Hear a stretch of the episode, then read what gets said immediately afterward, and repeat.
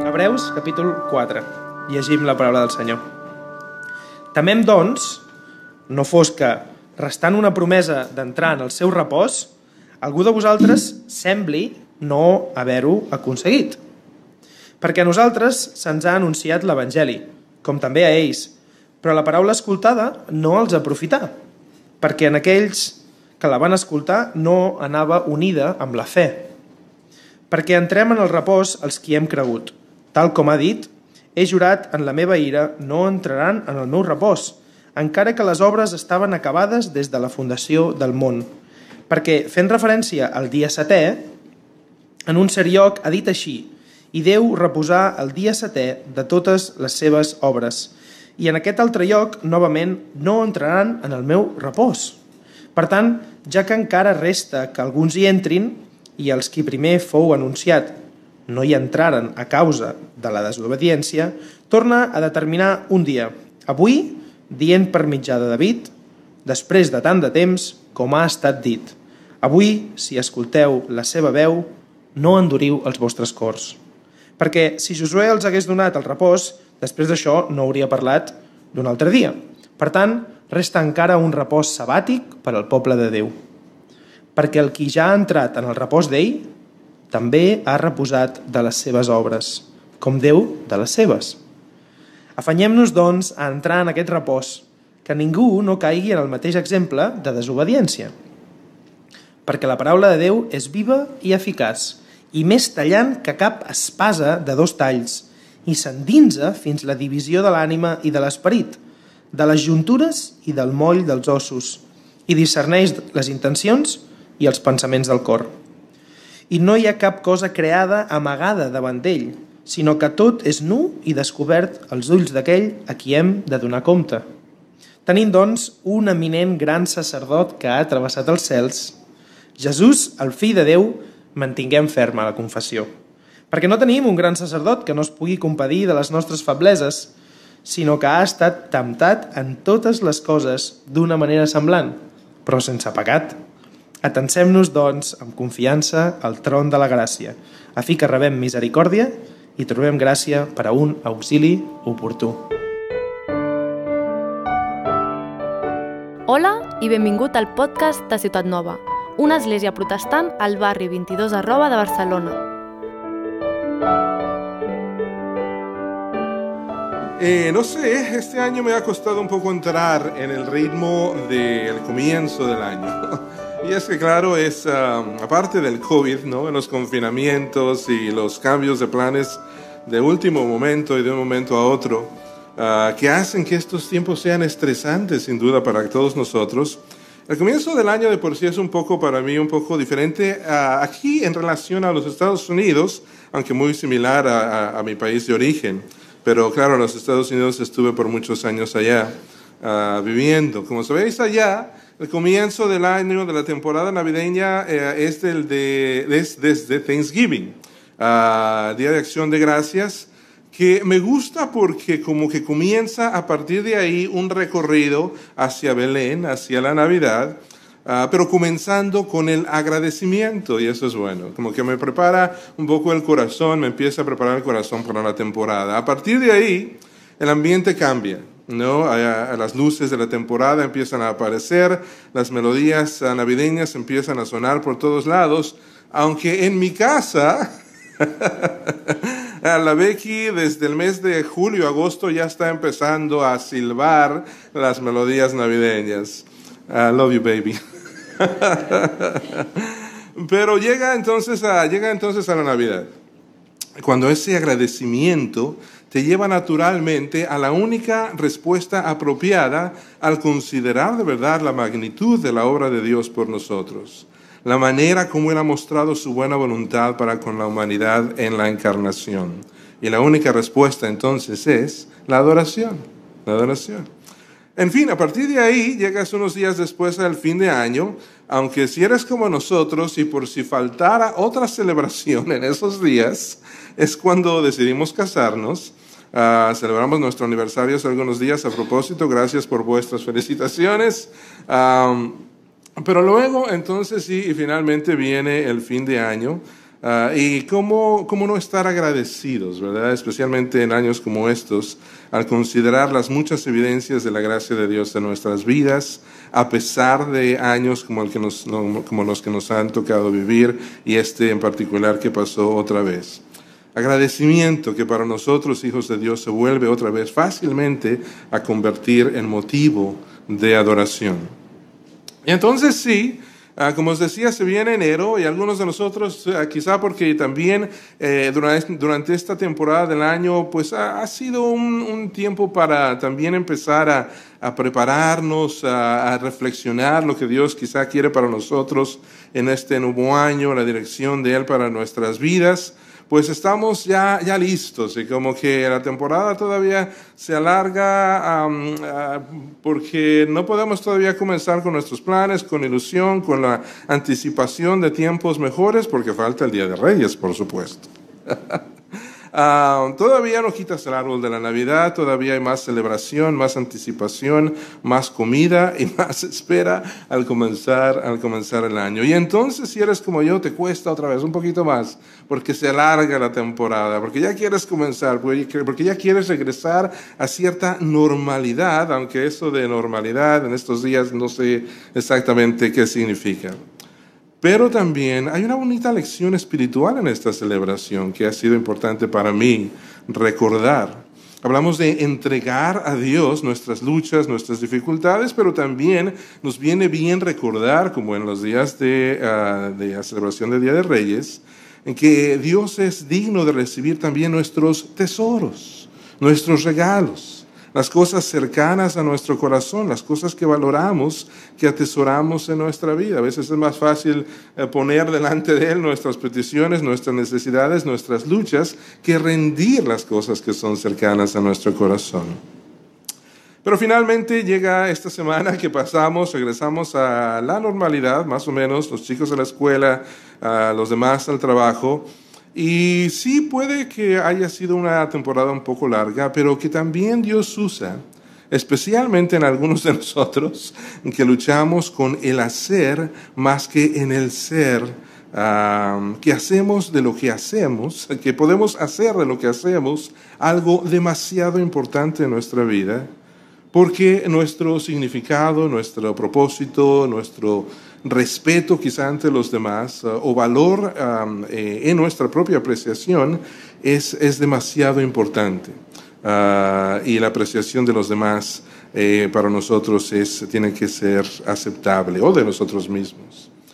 De ahí, uh, de, hacer, de hacer el ir a trabajar y ganarnos nuestro sustento como algo por lo cual nos ganamos también y en nuestra dinámica de relación con Dios, lo que esperamos gane delante de Él de alguna manera su atención, su favor, su amor. Luego sí descansar, pero porque lo hemos logrado a, nuestra, a nuestro entender, porque ahora sí no los merecemos. Así funciona de pronto nuestro corazón, mi corazón. Por eso es que también doy gracias a Dios por esta semana de unidad de oración para poder conectar unos con otros, orar unos por otros y aún si no hemos podido conectar, por lo menos tener un material en común disponible para todos y especialmente con este tema interesante para comenzar el año, el sábado, el descanso. Ah, si recuerdas, hace también unas semanas, con el comienzo del año, había compartido un ebook en nuestro grupo de, de WhatsApp de la iglesia titulado Descansa en Dios de pequeñas reflexiones personales, uh, devocionales y para comenzarnos también así el año. Xavier, interesantemente, atinadamente apuntaba que era también sobre el mismo tema. Uh, y luego esta semana, unida de oración, pues ha sido bueno para, para nosotros y para mí recordar estas verdades.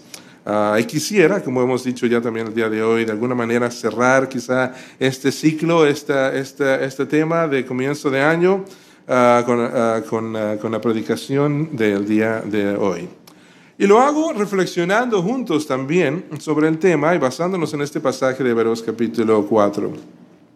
Pero la verdad, y como os decía, reconociendo estas, estas reflexiones desde esa misma postura de necesidad, de debilidad, de fracaso y de reconocer esta lucha en mi propia vida. Pero es importante también hacerlo con gozo, hacerlo con ilusión, hacerlo con anticipación a una resolución venidera en nuestra vida. Y al recordar la provisión en el Evangelio, las buenas noticias que ya hemos escuchado, que ya hemos recordado, que lo hacemos cada semana y que, y que cambia la postura de nuestro corazón al recordar su provisión por nosotros, para aquí y ahora, pero también para el futuro en nuestras vidas. Y entonces me gusta mucho esa, esa frase de, en el relato navideño de María al reconocer la obra de Dios en su vida, dice que atesoraba todo esto en su corazón, lo valoraba, lo dejaba ahí para, para después y para que en ciertos momentos pudiera regresar, pudiera continuar reflexionando, pudiera cambiar y ver cómo sus afectos de su corazón eran, eran, eran tocados de alguna manera por estas verdades. Contento también de entonces tener esta oportunidad, hermanos, de animarnos unos a otros y en nuestro caminar con Dios. Así que el día de hoy y el resto de nuestro tiempo juntos vemos en este pasaje de Hebreos 4 tres realidades espirituales para considerar al comenzar este nuevo año. La primera, el descanso de Dios y dos grupos de personas. Ah, la segunda, el llamado de Dios a ambos. Y la tercera, el mayor problema y la solución. Ah, y es que Dios mismo, eh, podemos comenzar pensando que Dios mismo ha diseñado eh, su creación con esos ritmos necesarios de actividad y descanso. El día y la noche, las temporadas del año, ¿no? reflejan esos ritmos Alguien ha dicho ritmos no forzados de gracia. Son cosas que ya Dios ha puesto en, en, cómo ha diseñado su creación para que incluyan estos tiempos de actividad, pero también tiempos de reposo. Nuestra vida misma necesita de esas horas de descanso, ¿no es cierto? De dormir, de descansar pero nos cuesta, y quizá más en sociedades como las nuestras en el oeste, por esos ritmos de las ciudades, de las zonas metropolitanas, por esos énfasis que escuchamos ah, una vez más en, la, en, en, nuestra sociedad, el valor de la productividad, la efectividad, cómo están conectados también con nuestra, con nuestra identidad, con nuestro valor como personas, con nuestro propósito, las expectativas a nuestro alrededor de nosotros mismos el valor y sentido de justicia propia que nos dan ante nuestra sociedad. Y por eso quizá hasta, hasta el dormir llega a ser eh, considerado un mal necesario. Hay personas que, se jactan en las redes sociales porque nada más duermen cuatro horas, ¿no? porque nada más pueden, y eso como un mal necesario porque tienen mucho que hacer, y tienen grandes sueños y quieren alcanzar grandes, grandes cosas. Y yo creo que eh, es por eso que, esto refleja una lucha en nuestro propio corazón. Eh, el hecho de irse a dormir, por ejemplo, implica reconocer que no estamos tan en control de nuestra vida como muchas veces creemos. Ah, implica reconocer que tenemos que rendir nuestra vida al final del día a una fuerza mayor que nuestras intenciones y nuestros grandes, grandes sueños y anhelos profundos, ¿no es cierto? Y por eso quizá es que llegamos a resistirnos al descanso, al silencio, a, a descansar, ¿no? Interesante porque en estos días del COVID, de pronto, una de las cosas que pasó eh, para nosotros eh, es que teníamos muchos planes y un fin de semana muy, muy agitado, muy activo en cierto momento de nuestra vida y de pronto las cosas cambiaron. Y recibimos una llamada y tenemos que ahora pasar los próximos tanto número de días no esperando. Y eso nos cuesta, ¿no? Hay una lucha también difícil en nuestro corazón y hay un descanso forzado que quizá las circunstancias en estos días nos llevan, pero que, pero que en la gracia de Dios creemos que también pueden ser usados por Él para hablar a nuestros corazones. Nos cuesta el silencio, nos cuesta descansar, preferimos agarrar el móvil, preferimos ir a las redes sociales. Yo creo que por eso es que quizá Dios puso tanta importancia en el sábado, en el descanso, eh, y como uno de los diez mandamientos básicos, de los diez mandamientos ah, de cómo Dios iba a relacionarse con su pueblo. Interesante, ¿no es cierto? Que ahí junto con no matarás, con no hurtarás, está, acuérdate del día de reposo para santificarlo. Tienen el mismo peso, ¿no? Uno y otro. Ah, le dedica inclusive muchas palabras en los diez mandamientos, a este, a este en particular. No debe ser cualquier cosa. Además, y como ya veremos el día de hoy, nuestro descanso o falta de este en nuestras vidas llega a reflejar qué tanto y qué tan bien entendemos el Evangelio y su aplicación también en nuestra vida diaria. Ese Dios, creador de todas las cosas, que diseñó la creación de esta manera y con sus ritmos, también ha diseñado la vida para que una séptima parte de ella ah, lo pasemos celebrando eh, en nuestro día de descanso o de reposo, lo pasemos siendo conscientes de su presencia y de su obra en nuestra vida y en nuestro alrededor. Que no vayamos desenfrenadamente en cierto sentido por la vida, pero que una séptima parte de nuestra vida lo, lo pasemos conscientes de su obra, de su persona en nuestra vida y en nuestro paso por este mundo. El no parar y hacer conciencia de su obra, de su persona, es algo, es algo, es algo grave y de ahí la importancia del sábado. En primer lugar, entonces, el descanso de Dios y dos, y dos grupos de personas que podemos ver en este, en este pasaje. El primer grupo de personas, interesantemente, ah, lo pueden ver después, está antes del capítulo 4 que estaremos hoy considerando. Está en el capítulo 3. En el capítulo 3 vemos este primer grupo de personas ah, y para esta conversación del descanso del autor de Hebreos, eh, vemos que interesantemente está enmarcada por otro tema. El capítulo 3 y luego capítulo 4 al final, el tema es Jesús es superior, Jesús es mejor, Jesús es lo principal, Jesús es lo primordial. Y eso es interesante porque ya nos dice mucho. En medio de, de, o, a los extremos del tema del descanso está esta realidad, Jesús es mejor, Jesús es supremo. Capítulo 3, interesantemente podemos ver ahí el testimonio y la obra del Espíritu, podemos ver la resistencia del hombre en el querer vivir la vida como si Dios no existiera, como si Dios no existiera y como si fuera independiente de Él y autosuficiente. Y el versículo 3, del, el versículo 10 del capítulo 3, dice, Sempre se extravían en el seu cor y no han conegut el meus camins. Una condición del corazón que se ha endurecido, que se ha extraviado, dice el versículo 3, por el engaño del pecado. Uh, versículo 16, ¿de quién habla este pasaje? Algunos, dice, habían escultat es revelaran. Versículo 18, per incredulidad. En comparación, dice el versículo 14 del capítulo 3 también, porque hem es devin good participants del Christ, si de fet mantenim ferma el principio de la, de la nuestra confianza fins al final.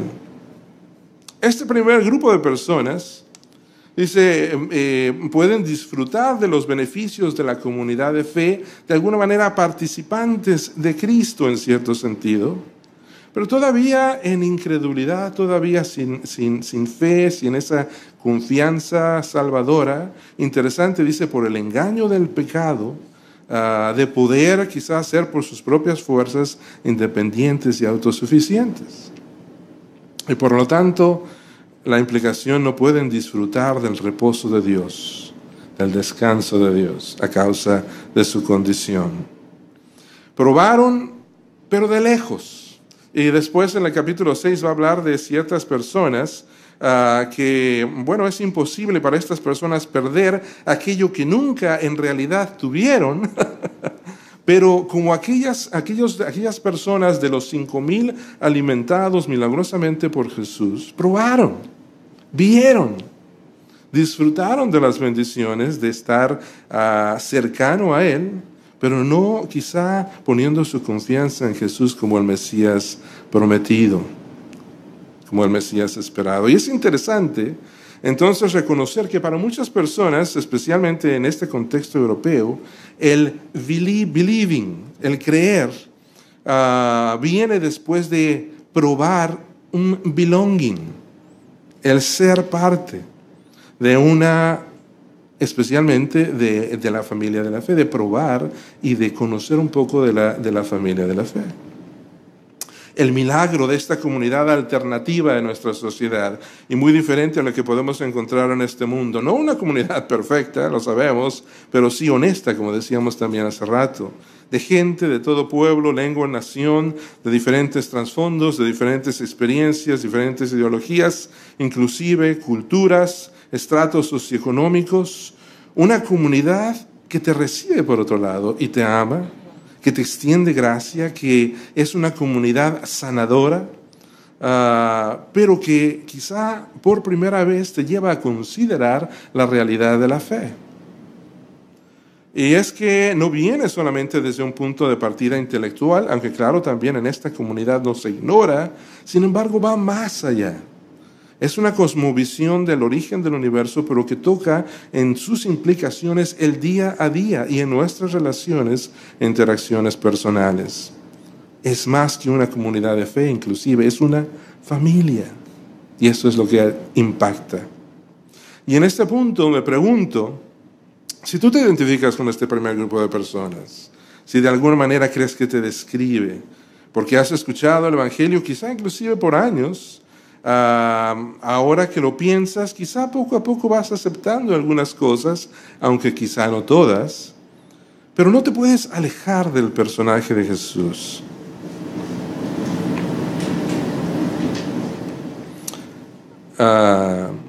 Que, te, que te reta, que de alguna manera te, te, te lleva a considerar su mensaje, su persona. Eh, su magnetismo, su mensaje. Quizás has disfrutado de la vida en comunidad y no creías, pero poco a poco puedes reconocer la obra de Dios en tu vida, en la persona y obra de Jesús en tu lugar y en tu favor, como lo escuchamos cada semana, y has ido cambiando y aún sin darte cuenta. Es como cuando de pronto te das cuenta que estás sentado el día de hoy en esa silla y en algún momento, aun si no lo recuerdas y reconoces, hiciste una decisión consciente de que esa silla donde estás sentado ahora mismo te puede sostener. Y pusiste tu confianza en esa, en esa verdad eh, de, que te de que te sostendría, aunque no lo recuerdas necesariamente, pero te encuentras sentado en este momento. De la misma manera, quizá no estás seguro cómo y cuándo, pero estás aquí o virtualmente, y has empezado a creer. Y has puesto y estás poniendo tu confianza poco a poco en lo que vas escuchando. Y ves a Dios obrar en tu vida y reconoces su voz y sus maneras de tratar contigo. Y sí, todavía tienes luchas, pero todos las tenemos. Y quizá todavía estás buscando en tu independencia y autosuficiencia y por los medios seculares de nuestra sociedad el encontrar esa paz, ese descanso interior, ese sentido de la vida. Y hay maneras que nuestra sociedad hoy en día trata con esta realidad espiritual, ah, trata de contrarrestar de alguna manera sus efectos con prácticas importantes y buenas, quizá mindfulness, healthy living, minimalismo, meditación, otra vez nada malo en ellas, y en realidad muchas vienen, vienen y han sido parte del cristianismo histórico.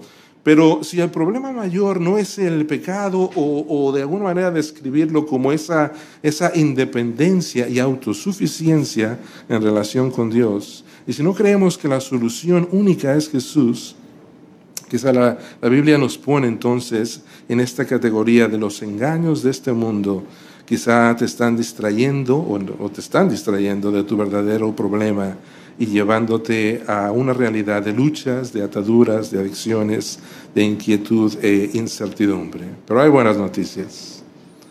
Una oferta de un mayor y mejor descanso para ti. Y quizá hasta ya las has estado saborando de alguna manera en la comunidad de fe. Ánimo, sigue adelante.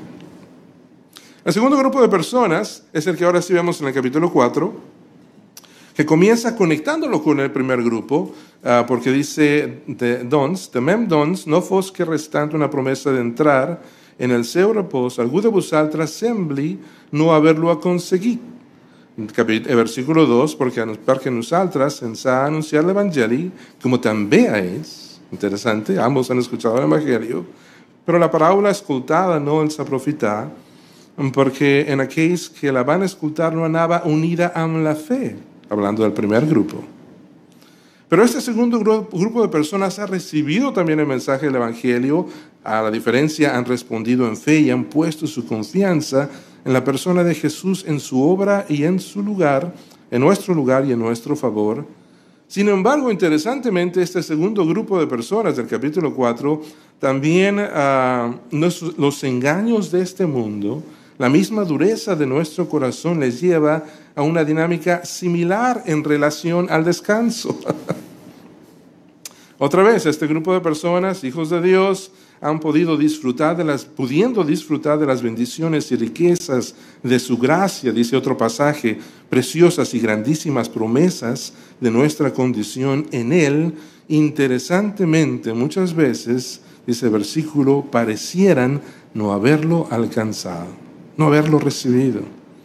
Son creyentes en espíritu y verdad, han reconocido su necesidad, han puesto su fe y confianza en Jesús, están seguros en Él y nada los separará de su, mano, pero funcionalmente, podríamos decir, son ateos espiritualmente. Porque viven como si Dios no existiera, como si esta no fuera una verdad, ah, una realidad, como si la provisión de Dios no fuera para ellos. Crazy, decimos. Increíble, ¿no es cierto? Uh, versículo 1, temem doncs, no fos que restante una promesa de entrar en el seu repòs, algú de vosaltres sembli no haberlo conseguido. Me gusta, y lo he compartido antes, son como huérfanos espirituales, viviendo como si no tuvieran un buen Padre Celestial que los cuida, guía sus pasos, como si tuvieran que valerse por sí mismos en este mundo, teniendo al mismo tiempo todos los recursos del reino a su favor teniendo una cuenta con un saldo de recursos espirituales ilimitados y ganados por la obra de Cristo en la cruz. Sin embargo, todavía viven sin descanso, todavía luchando, todavía tratando de ser independientes y autosuficientes. ¿Te suena familiar? A mí sí, y mucho. Y es que todos padecemos de esto. Y no solo en ocasiones a lo largo de la semana, pero inclusive diariamente y de momento a momento. Lo he compartido a través de Gálatas 4.7. Me impacta cómo Pablo hace un paralelismo y contraste un tanto interesante e intencionalmente raro y diferente cuando habla de hijos y esclavos, no hijos y, huérfanos o esclavos y libres, pero dice Gálatas 4.7, de manera que ya no es mes esclavo, sino fil. Y si fil, también hereu de Deu per de Cristo. ¿Lo ves? El paralelismo no es entre huérfanos e hijos o entre esclavos y libres, que es lo que esperarías, pero es entre hijos y esclavos. Y es el que vivir como huérfanos espirituales es vivir en esclavitud. Es también haberse dado a la incredulidad, es también haber creído los engaños de este mundo, a pesar de ser hijo. Es vivir como si no tuviéramos ese descanso disponible y a nuestro alcance, especialmente en un mundo como el que vivimos, lleno de tensiones y estrés. Bueno, pero para todo esto, todo, esto nada más por no descansar, diríamos. Ah, es que decíamos, es más profundo que eso, tiene que ver ah, con eh, realidades y posturas interiores de nuestro corazón. Tiene que ver con eh, independencia, autosuficiencia. El pasaje de Hebreos conecta el descanso con nuestras obras y en lo que tiene que ver con la justificación, porque buscamos a través de nuestras obras, a final de cuentas, justificar nuestra existencia, nuestro paso por este mundo, nuestro valor y propósito, nuestro significado. Pero el que ya ha entrado en el reposo de él, dice versículo 10, también ha reposado de las sebas obras, como Dios de las sebas. El descanso de Dios te permite vivir libre de esas cosas. De tratar de encontrar en este mundo la satisfacción, seguridad, significado que solo podemos encontrar en Dios y nuestra necesidad de este descanso. Y por otro lado, un par de grupos de personas que vemos ante esta realidad del descanso de Dios. Interesante que ojalá te pudiera decir, la siguiente sección de este capítulo tiene que ver con un tercer grupo de personas, que, que son creyentes, hijos de Dios, que siempre viven en la realidad de los recursos del reino y que siempre experimentan el descanso de Dios. Pero no, el, el, el pasaje eh, regresa otra vez al tema de Jesús como superior de todas las cosas. No los hay. ¿Por qué? Porque más bien estamos nosotros, si hemos ya puesto nuestra confianza en el Señor como nuestro Salvador, estamos en proceso y estamos creciendo. ¿Cuál es entonces la diferencia entre uno y otro? Bueno, hay un gozo en este segundo grupo de personas. El gozo de sabernos en el camino, el gozo de sabernos amados, el gozo de saber que Dios completará la obra que comenzó y que no depende de ellos. Y eso les trae descanso y eso les trae intencionalidad para seguir, eso sí, en la lucha, pero ya no en sus propios esfuerzos. Y por eso está en tercer lugar, el tercer punto, la invitación a ambos, que interesantemente eh, pudieras pensar que eh, son un grupo de personas muy diferentes en su caminar de fe, en su relación con Dios, pero interesantemente la invitación a ambos es la misma. Si vemos en el primer, el primer grupo, capítulo 3 y versículos 7 y 8, el llamado de Dios, dice versículo 7, però això, com diu l'Esperit Sant, avui, si escolteu la seva veu, no enduriu els vostres cors com en la rebelió, el dia de la prova en el desert. En el segundo grupo de personas, en el capítulo 4, la invitación es la misma. Capítulo 4, versículo 7, si escolteu la seva veu, no enduriu el vostres cors. Es que su palabra hace esa obra, uh, su espíritu trae convicción a nuestros corazones, uh, dice versículos 12 y 13 del capítulo 4, la parábola de Dios es viva y eficaz y me está uh, que cada espasa de dos tiles y se endinsa, fins a la división de la ánima y del espíritu, de las junturas y del moll dels ossos, discerneix las intencions i els pensaments del cor, versículo 3, i no hi ha cap cosa creada amagada davant d'ell, sinó que tot és nu i descobert als ulls d'aquell a qui hem de donar compte. La diferència entre el primero y el segundo grupo de personas es que este segundo de grupo de personas tiene en realidad um, no tiene nada que los haga mejores como personas que, las, que el primer grupo de personas, no son sus méritos de alguna manera, pero es quien obra en su favor, quien los representa legalmente. Versículo 15, no tenemos un gran sacerdote que no es pugui compadir de las nuestras fableces, sino que está tentado en todas las, uh, las cosas de una manera semblante, pero senza pecat. Y por eso podemos reconocer nuestra dependencia, nuestra insuficiencia. Y podemos, versículo 16, atancem-nos, doncs, amb confiança al tron de la gràcia, a fi que rebem misericordia y trobem gràcia per un auxilio tu. La invitación a ambos, otra vez, si escuchas hoy su voz, no endurezcas tu corazón. Por último, problema y la solución. La diferencia entre el primer y segundo grupo de personas es dónde o en quién estamos buscando la, la solución para nuestro problema en las soluciones del mundo o en la de Dios, aunque muchas veces lo olvidemos. Nuestra sociedad contemporánea reconoce nuestra necesidad de descanso de alguna manera, por, ponerlo de alguna forma, y como decía, trata de ofrecer los recursos que nos pueden ayudar y que lo hacen, pero que no van lo suficientemente profundo uh, en nuestra vida. Dios, por otro lado, hace una obra desde afuera hacia adentro, dándonos una justicia externa a la nuestra, una identidad que es recibida, que es segura, no, no, no, no que hay que encontrar y de alguna manera construir, y nos da una posición objetiva, legal de hijos adoptados algo externo. Pero por otro lado también hay un aspecto interno, nos da su espíritu, quien obra en nosotros de adentro hacia afuera, produciendo cambios profundos en nuestros afectos, en nuestros valores, en nuestro y no solamente en un comportamiento externo. Cambia nuestras motivaciones.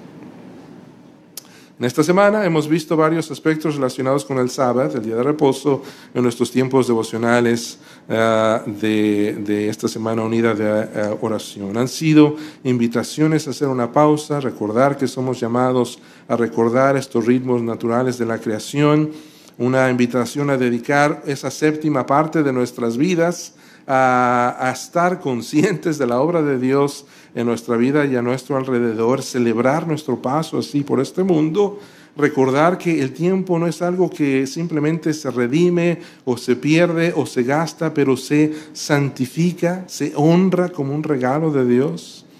Y que al desconectarse de los problemas y situaciones difíciles de este mundo, descansas en cierto sentido, pero no lo suficiente. Y muchas veces ese es el problema, creemos. Eh, de hecho, ¿cuál crees que es el problema mayor de la humanidad? Eso dice en realidad mucho tú en nuestra cosmovisión de la vida y la narrativa que creemos. Y en base a eso tendremos una respuesta apropiada. Por ejemplo, si creemos que, que, el mayor problema de la humanidad es la falta de educación, la solución principal será buscar maneras, recursos, servicios sociales para proveerlo. Nada malo con eso. Si creemos que la injusticia y desigualdad, entonces nuestra es el problema mayor, nuestra solución se verá en trabajar en términos de cambios políticos en, los, en los sistemas de justicia. Nada malo con eso otra vez. Hay que hacerlo. Cualquier cosa que veamos como como el problema principal en la vida, así también tendremos una salvación en nuestra mente para ella. Y al comenzar el día de hoy te contaba que me está costando comenzar este año 2022 porque esta semana extra como que alargaba un poco mi transición. Sin embargo, ¿qué tal si eso es bueno para mí y mis luchas del corazón? Esta conversación sobre el descanso viene enmarcada otra vez de estos dos pasajes que nos hablan de Jesús como algo mejor, como algo superior. Capítulo 3, como hemos mencionado, lo habla habla también de la realidad de este grupo de personas, capítulo 3 y 4, en relación a su postura ante Dios y la invitación a ambos a responder a la obra de su Espíritu. pero para terminar y para regresar a, la manera como el pasaje termina esta conversación sobre el descanso en la persona de Jesús. Marcos 6:31, vemos a Jesús cuando Él les dice a sus discípulos, vengan, apártense de los demás a un lugar solitario y descansen un poco. interesante porque a veces pensamos que esto de estar súper ocupados es un, es un problema de la sociedad contemporánea. Sin embargo, vemos que en el pasaje los discípulos estaban tan ocupados que no tenían ni tiempo de comer ni de, ni, de comer, ¿no? Y eso nos dice que es un problema más bien del corazón y no tanto del contexto o del tiempo histórico que nos ha tratado, nos ha tocado vivir. Sin embargo, el propósito de esto, este llamado de Jesús, vengan, apártense, no es solamente desconectarse del vaivén, de recargar baterías y energía emocional, de comer algo y tomar un respiro al aire libre para luego regresar al trabajo. La invitación del Señor es a estar con Él. Es que muchas veces nuestro error es buscar descansar del estrés diario, distrayéndonos con algún entretenimiento, haciendo ejercicio o otro tipo de actividad, nada malo con eso. Sin embargo, aquí estamos hablando de otro tiempo, un tiempo intencional para estar con el Señor, para dejar los quehaceres y preocupaciones como Marta y más bien descansar a sus pies como María. Es entonces que al estar con Él y por la obra de su Espíritu, que reconocemos que necesitamos también venir a Él. No solamente desconectar y venir con Él, pero venir a Él. Él hace esa invitación, vengan a mí, en Mateo capítulo 11. Que su palabra, su espíritu, sus promesas son sí en Él, que en Él estamos completos, como dice Colosenses capítulo 2, y que como el salmista llegamos a tener la convicción de que con Él, Salmo 23.1, nada me faltará. Vengan a mí todos los que están cansados y cargados, y yo los haré descansar. Y las buenas noticias para ti y para mí son que podemos venir a Él porque Él ha venido a nosotros primero. Y que cuando nos apartamos para venir no solo con Él, pero también para venir a Él, experimentamos una vez más no solo la comunión con el Padre, pero su provisión para nuestra alma cansada. Estamos comenzando el año. Y el ritmo de la creación antes de la venida del Señor Jesús era trabaja y el séptimo día descansa. Pero interesante que la iglesia primitiva tomó el primer, fin de, el primer día de la semana para santificarlo, recordar la provisión de Dios en la obra del Señor Jesús. Era el día del Señor, era el día que el Señor había resucitado y a partir de ahí era todo nuevo. Ahora comenzamos la semana descansando y a partir de ahí emprendemos entonces nuestro trabajo. Él vino, vivió la vida que nunca hubiéramos podido vivir en nuestro favor, murió la muerte que merecíamos en nuestro lugar y resucitó y ya podemos tener otra postura ante la vida. No trabajar y luchar para luego descansar, pero comenzar la semana, comenzar el año descansando, confiando en la provisión de Dios, seguros de nuestra identidad en Él, agradecidos de lo que Él ya ganó por nosotros, por gracia y sin ninguna contribución de nuestra parte. Uh, piensa en esto y encuentra tu descanso en Él. Gràcies per escoltar aquesta predicació. Si tens preguntes respecte al seu contingut o vols tenir una conversa sobre l'Evangeli, no dubtis en contactar-nos. El nostre correu electrònic és info arroba cn22.org.